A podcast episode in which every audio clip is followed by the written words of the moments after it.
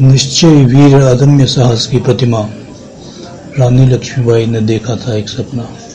अंग्रेज़ों को देश से था मार भगाना, भारत की आज़ादी का था बिगुल बजाना। रानी को अबला समझ अंग्रेज़ चढ़े आते थे, झांसी रानी से छीनने की धौस जमाते थे। रानी ने दो टूक कहा, झांसी में नहीं लूँगी।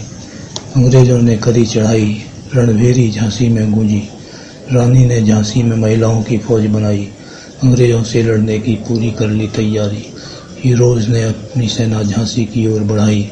किला था अभेद्य। जीतना लगा नामुमकिन।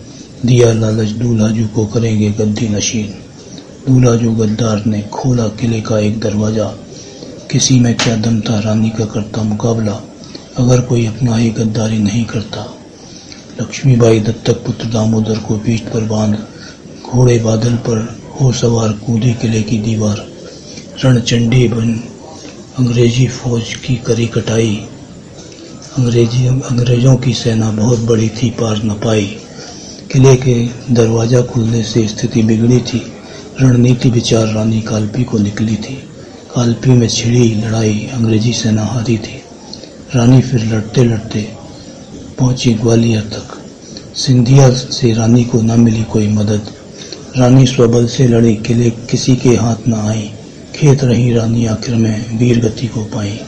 झांसी की रानी लक्ष्मीबाई जन के मन बसती है, देश पर सर्वस्व लुटा देने को प्रेरित करती है।